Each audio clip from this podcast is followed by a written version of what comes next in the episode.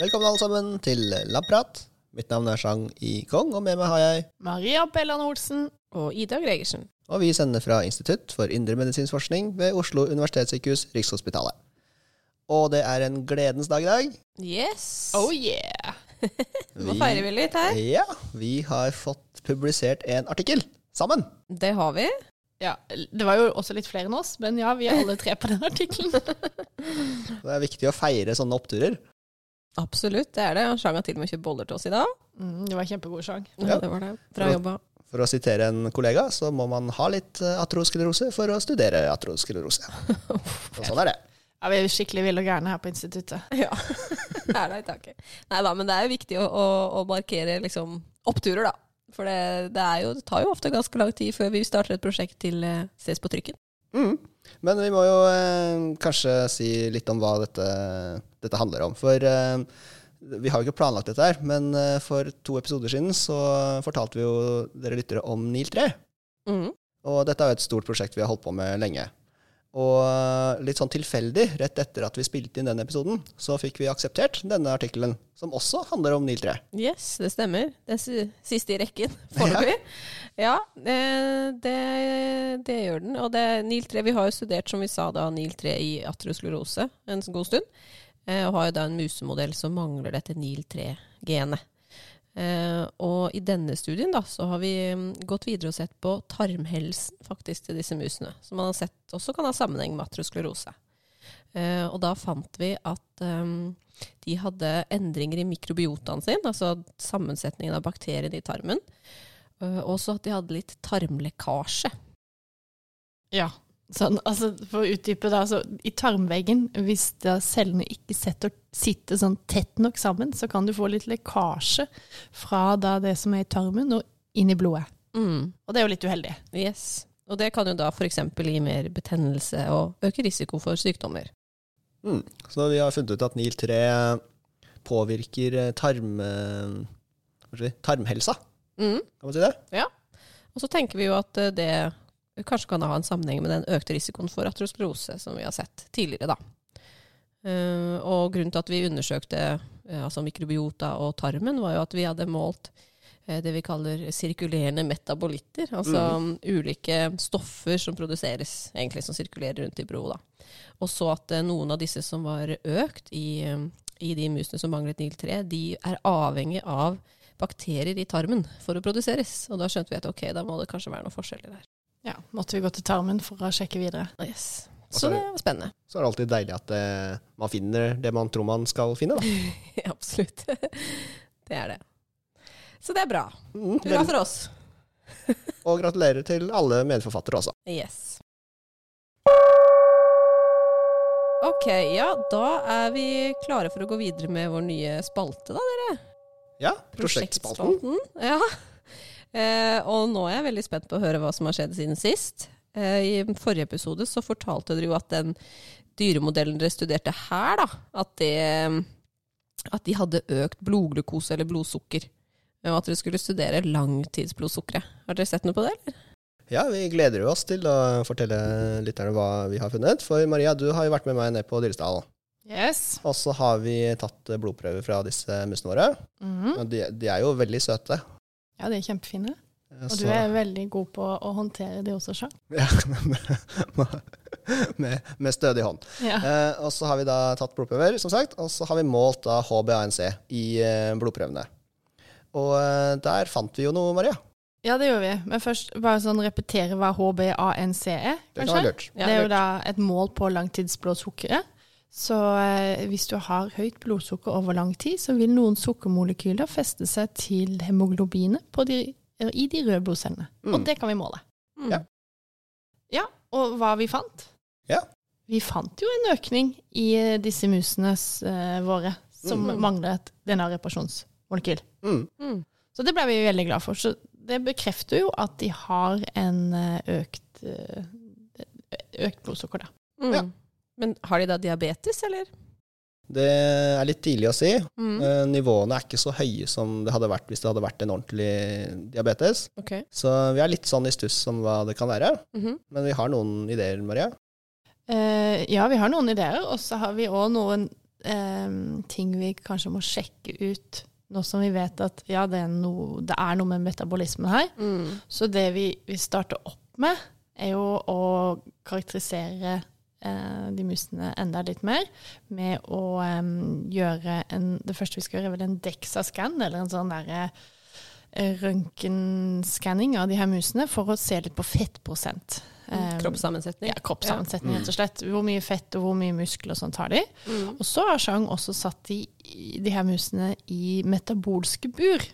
Å ja. ja, det er litt kult. Det må du forklare. Ja, det er jo egentlig en, eh, et stort eh, skap der eh, musene blir plassert i, i sine vanlige bur, der de vanligvis bor. da. Mm. Eh, Men det dette skapet gjør, er at det måler eh, hvor mye oksygen de puster inn, og hvor Mhm. mye CO2 de produserer. Eh, Samtidig så måler vi da kroppstemperatur, vi måler hvor aktive de er, vi måler hvor mye de spiser, hvor mye de tisser. Og ved å regne på disse tallene her, så kan vi finne ut av hvor mye kalorier de forbruker, Mm. Eh, sammenlignet av hvor mye kalorier de tar inn. Så vi får et mål på hvor effektive de er til å benytte seg av den maten de spiser. Ja. Så du, du får på en måte et sånn helhetsbilde av metabolismen eller stoffskiftet, da. Stemmer. Ja. Veldig spennende. Da gleder vi oss til å høre mer om hva dere har funnet ut til neste gang. Ja, vi håper at vi har dataene klare til eh, neste gang vi møtes om to ukers tid. Veldig bra. Bare, bare å jobbe på. Ha det. Lykke til. Så skal vi over til episodens tema. Og eh, dette blir en metodeepisode, så vi skal forklare en metode vi bruker mye på laben vår, og den heter RNA-sekvensering. Metoden er relativt ny, og eh, den har blitt ganske populær i de senere år. Men eh, jeg lurer på om den kanskje ble beskrevet for første gang sånn midt på 2000-tallet? ja. Sånn 2005 eller 2006 eller noe sånt. Kan ikke det stemme, Ida? Jo, den tidligste publikasjonen jeg fant, den var fra 2007. Men det er vel egentlig de første, liksom, de senere årene at det virkelig har blitt tilgjengelig for alle, da. Uh, og jeg vil tippe de siste kanskje syv-åtte årene eller noe sånt. Um, teknologien har utviklet seg veldig mye på de årene. Um, og det har også blitt økonomisk overkommelig da, å benytte seg av. Det var utrolig dyrt i starten. Um, men det er egentlig en metode vi bruker veldig mye i vår forskning. Mm. Er, jeg husker det var helt utopisk å kunne bruke den metoden der eh, da jeg tok min doktorgrad.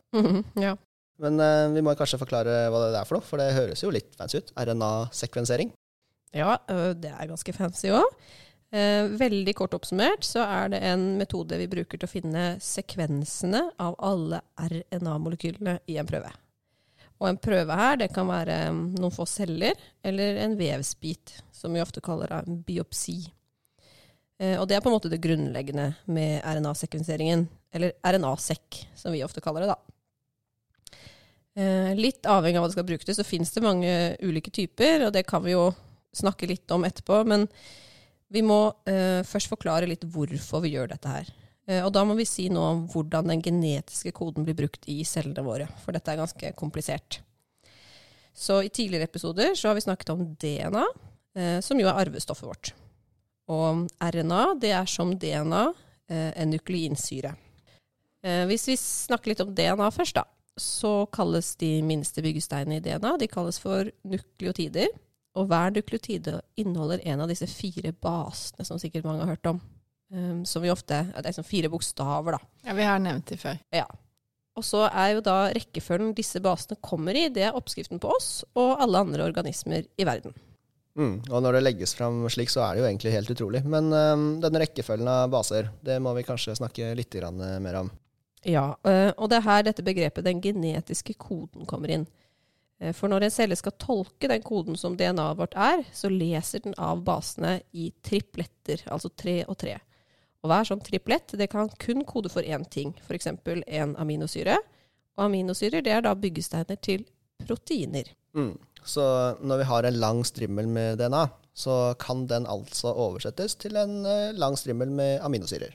Yes. Og en lang rekke med aminosyrer kaller vi da et protein.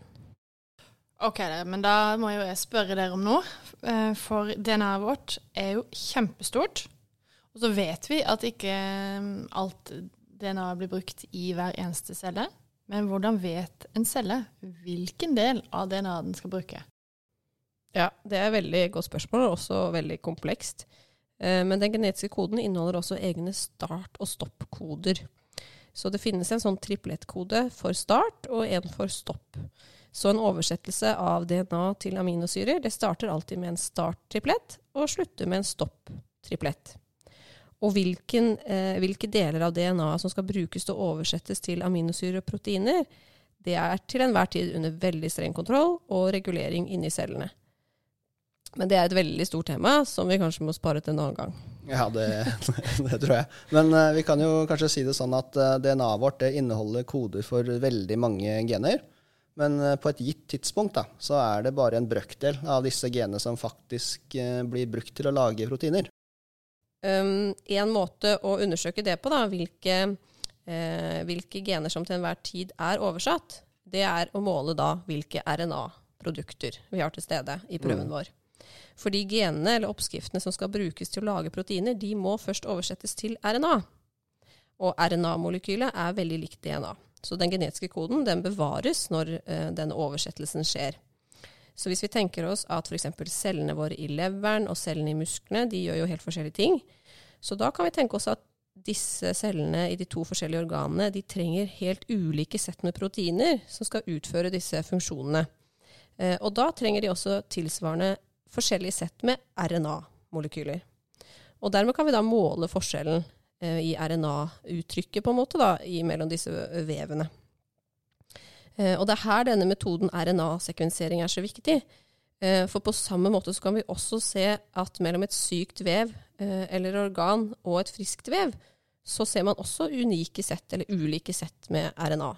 Uh, ja, så veldig enkelt forklart så kan vi altså sammenligne antallet og hvilke gener som blir oversatt til RNA i f.eks. en pasientprøve og en frisk prøve. Men uh, så enkelt er det jo egentlig ikke. Nei, uh, for når vi har fått resultatene, så er utfordringen å finne nøyaktig hva som er forskjellen. Og så sitter man kanskje igjen med en liste over gener som det vi kaller er Eller vi sier ofte at de er ulikt regulert da, mellom prøvene. Altså der antall RNA-molekyler er ulikt mellom de ulike prøvene. Og så må vi finne ut av hva konsekvensen av det er. Ja, og det er her eh, datamaskiner og bioinformatikken kommer inn. For eh, RNA-sekvensering det genererer altså en masse data som vi mennesker ikke greier å prosessere. Så eh, noe av den teknologiske utviklingen vi har snakket om, det omhandler også nye programvarer og metoder for å analysere sånne store datasett. Eh, og eh, Maria, du har jo jobbet en del med å analysere RNA-sekk-data. Ja, altså bioinformatikken det har jo blitt en helt uunnværlig metode i forskningen vår nå. Um, så det er jo veldig mange som sier sånn at det er nesten ikke folk på laben lenger, for alle sitter på PC-ene nå mm -hmm. istedenfor å være på laben. Jf. Ida. ja, Bortsett fra at jeg ikke driver så mye med sånt, da. Men det, det, er sånn generelt um, på mange labber. Så ja, Vi kan jo egentlig med en gang love at vi må ha en egen episode om bioinformatikk. Mm. Men ja, ok, så, hvis, så, så, for min del, da, når uh, våre bioinformatikere jobber med, med datamateriale, og jeg får en liste med gener som da er ulikt regulert i det vi skal studere, så uh, må jeg prøve å finne ut av hva betyr det her. For den lista med gener den sier ikke så veldig mye om ikke vi klarer å sette det inn i en biologisk kontekst. Og sånn litt sånn forenkla forklart, så altså prøver vi å se om de her genene hører hjemme i, i de samme eller noen bestemte biologiske prosesser, eller om vi kan liksom putte de i bås på en måte. Mm. Mm. Uh, jeg vil bare komme med et lite eksempel. Uh, så hvis vi f.eks.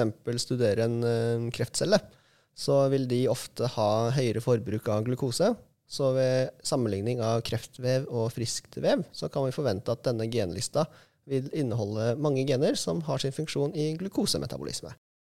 Ja, det stemmer. Også på den måten så kan vi få en formening om hva som er ulikt mellom to prøver, og hvilke prosesser som er ulike. For eksempel så kan det jo òg tenkes at en biopsi finner mange gener som har noe med immunceller å gjøre, og Det vil jo da være en god indikasjon på at det er infiltrasjon av immunceller i denne eh, biopsien.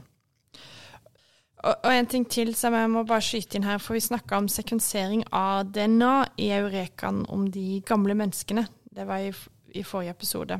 Og, og da forskjellen på DNA-sekvensering og RNA-sekvensering er jo da at i DNA-sekvensering så får vi sekvenser på hele arvematerialet vårt, altså da alle genene. Og så kan man finne, ut, finne ulike genvarianter mellom individer. Og det betyr f.eks. at en sånn triplettkode, som vi har snakka om, som koder for et protein, eh, hvis det er forskjellig mellom to individer, da sier vi at individer har ulike varianter av et gen. Og eh, dette er da noe vi ikke kan studere med en RNA-sekk. Både ja og nei. Eh, For hvis det genet er uttrykk, altså oversatt til RNA når vi tar prøven, så kan vi finne det. Men som vi også har nevnt, så er det bare en brøkdel av alle gener som til enhver tid er oversatt til RNA. Så skal man studere ulike genvarianter, så er det aller best med DNA-sekk. Ja. Men det er det enkle svaret. Ja, ikke sant. Det er veldig viktig å få en viss klarhet i det. Men uh, dette har jo blitt en lang prat om et veldig, veldig stort eh, tema. Eh, men eh, kan vi kanskje bare avslutningsvis eh, si noe om andre bruksområder for RNA-sekvensering? Ja. For eksempel så kan du si oss noe om RNA har blitt redigert før koden brukes til å, å lage proteiner. For det er nemlig mange kompliserte prosesser som avgjør om RNA skal bli uttrykt, altså bli til et protein. Og vi kan jo bare slenge det ut egentlig som en liten teaser, for det er jo nesten et tema i seg selv. For, for det du mener nå, er at koden i DNA ikke nødvendigvis er koden som blir brukt til å lage proteiner? Yes. Ja, Det er sånt som forvirrer en stakkars student. ja. Men, Nei, eh, Ingenting er så enkelt som Nei, i tekstboka si. nei, men som sagt, det, det tar vi en annen gang. Men uh, er det noe mer? Ja, og så må vi kanskje nevne da single cell sequencing, eller sånn enkeltcellesekvensering. Og det er jo da å finne hvilke RNA-molekyler som finnes i én enkelt celle. Eh, så da istedenfor å ta et vev og så finne hvilket, hvilke RNA-sekvenser finner vi i det her vevet til sammen, så isolerer man celler fra vevet. Så du kan finne ut av hvilke RNA-molekyler finnes inni hver enkelt eh, celle fra dette vevet. Og da kan du se de forskjellige celletypene også. Så da er det ikke sånn at du bare må si 'Å, jeg ser mange immunceller', eh, eller mange gener som koder for ting som er viktige i immunceller. Så vi har nok litt infiltrasjon, men da kan du faktisk se de forskjellige immuncellene og hva slags gener de har. Mm. Og det her har vi jo faktisk gjort. Og det her har vi gjort, vet du, Chang. Vi sekvenserte da hvite blodceller fra to, to musemodeller. Eh, og vi vet allerede at det er en stor forskjell i cellene til de to ulike modellene. Og så, hvis vi da hadde laga en suppe alle sammen, og så isolert RNA, så hadde det vært litt vanskelig å vite hva vi så på. Eh, for da visste vi jo allerede at det var en miks i den blandinga. Men nå håper vi at vi kan finne noen eh, sånn spesifikke undergrupper da, av immunceller som, er, som da er forskjellige eh, i de her musene. Og det, det er da fordi vi ser på enkeltceller, og ikke en blanding av alt sammen. Mm. Og eh, det er jo et prosjekt vi helt sikkert kommer til å snakke om i en senere episode. Eh, Men for å oppsummere litt. RNA-sekvensering det identifiserer og kvantifiserer alle RNA-molekyler i en prøve. Og ved å sammenligne sammensetningen av disse RNA-molekylene i prøvene vi analyserer, så kan vi si noe om hvilke gener som blir brukt til å lage proteiner på det tidspunktet prøven ble tatt. Og forskjellene vi finner, sier noe om hvilke biologiske prosesser som skiller prøvene vi sammenligner. Yes. Og så kan vi jo nevne at vi bruker jo, bruker jo som oftest den her eh, hvor vi ser på hele vevet. Fordi den der enkeltcellesekvenseringen er jo himla dyr. Det er ganske billig per celle. ja, det er sant. Men totalt sett så blir det himla mye penger. må- vi må liksom sende inn et par tusen celler for at dette skal bli noe fornuftig. Ja, minst et par tusen. Men eh, med det, Maria, så er vi klare for dagens eh, Eureka. Hva er det du har funnet eh, til oss i dag? Du, det er jo veldig passende, da. Ja, jeg regner med det. Ja. Yes, og vi går for litt nyere kunnskap i dag. Eh, fordi det her er en eh, Det her er da basert på en artikkel som ikke er publisert ennå, en såkalt preprint. Skal vi si kort hva det er, eller? Ja, det, ja Kanskje si gjerne hva det er. Ja, Det betyr bare at den ikke har blitt det man kaller fagfellevurdert ennå. Så den er liksom ikke eh, gått gjennom av andre forskere nødvendigvis, og korrekturlest og alle sånne ting. Da. Kan inneholde feil. Mhm. Den kan Skal leses med en klype salt, men Yes, men, men denne artikkelen her ble kommentert i, eh, i tidsskriftet Nature. Så da tenkte jeg at ja, det er sikkert innafor. Den har fått et lite kvalitetsstempel allerede. Absolutt. Jeg har det. Men eh, da, noe jeg ikke var klar over, det er at det referansegnomet vi bruker i dag, det mangler 8% av DNA-sekvensen. Og her må jeg kanskje bare stoppe litt opp, for det er referansegenom. Vil du forklare det, Chang? Ja, vi kan prøve. Eh, Det er altså et eh, bibliotek over alle kjente DNA-sekvenser i f.eks. et menneske. Og eh, vi trenger dette biblioteket når vi f.eks. skal eh, analysere RNA-sekkdata, for da får vi en liste med masse, masse bokstaver.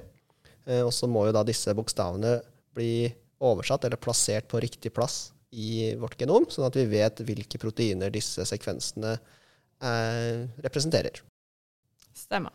Så vi har jo um, ja, Genomet vårt består jo selvfølgelig av DNA-et vi har i kromosom 1, kromosom 2, kromosom 3 osv. Så, videre, så det er genomet vårt. Alle genene. Ja, og alle, alt DNA, Alt egentlig. DNA, egentlig. Ikke bare genene, Mm. men alt DNA. Og det og, da vårt referansegenom som vi bruker nå, det mangler altså da 8% av DNA-sekvensen. Mhm. Og det er jo ganske mye. Og det var fordi at eh, DNA-et er da vanskelig å sekvensere. For sånn som man gjør det nå, så kutter man opp DNA i biter, og så sekvenserer man det. Og det er jo da noen hundre sånne nukleotider av gangen. Og så setter man det sammen ved å se på overlappende sekvenser. Mm. Litt som et sånn avansert eh, puslespill. Ok? Ikke litt avansert, men veldig avansert. Ja, det er veldig avansert, da. Men OK. Og så noen steder i DNA-et vårt så er de her eh, Så er sekvensene, eller mm, koden, den er veldig repetitiv. Sånn uh, bokstavene kommer om igjen og om igjen. ATCG, ATCG, ATCG, ATCG, ATCG. Vi tar poenget. Ja, dere tar poenget, men jeg håper jeg lytter noen som tok Ja. poenget. Veldig repetitivt. Masse ATCG. Bare rot. Og da blir den sammenstillingen, da, puslespillet, blir veldig vanskelig å vite hvor skal eh, overlappet gå. Mm. Og det nye metoden som de her forskerne har brukt, da klarer de faktisk å se på de sekvensene her også. For de bruker en ny teknikk hvor de har en laser som skanner et større område av DNA samtidig. Så sammenligna med noen hundre baser som man hadde i de her DNA-kuttene tidligere, så kan man ha opptil 20 000 baser med den nye teknikken. Og da klarer man bedre å overlappe, så puslespillet går lettere opp. Og med denne nye teknikken så har de funnet 115 nye gener som koder for proteiner. Og da er vi oppe i 19 969 proteinkodende gener i det humane genom. Og så har vi i tillegg noen andre gener som koder for andre ting, da, men det, Det får vi ta en annen gang. ja, det kan vi ta en annen gang. Ja, så da er alt på plass, da? Eller? Alle 100 prosentene? Nei, altså de skriver at det er fortsatt uh, noen usikkerheter her. Det må gjøres uh, bedre analyser, men sånn i fremtiden så vil nok uh, alt være på plass. Og, og for øvrig så mangler de også Y-kromosom i den analysen de gjorde, så Y-kromosom er ikke analysert ennå på det samme måte. Men det her blir mye bedre, og som sagt så er det kjempeviktig for bioinformatikken og tolkningen av dataene våre, fordi våre data de blir jo ikke bedre enn den referansen man har, det skjelettet vi har, eller den, det biblioteket man har liggende. Nå, ikke sant. Det man sammenligner med, nei. Nei. Veldig bra. Takk til datateknologien igjen der, da. Yes. Og tusen takk til deg, Marie, for en veldig interessant eureka denne gang. Som alltid. Som alltid, ja. Om du skal si det selv. Ja. Men eh, det er eh, på tide for oss å takke for oss. Men vi må kanskje minne våre lyttere om at de må følge oss. Gjør det. Følg og del. Både på Instagram, Twitter, Facebook. Og gjerne gi oss en rating på eh, din podkast-side. Men eh, inntil eh, neste gang vi møtes, så skal vi på laben og eh, finne ut eh, noe spennende. Skal vi gjøre litt Dexa-scan? Vi skal blant annet gjøre en Dexa-scan. Men vi eh, høres. Vi høres. Ha det.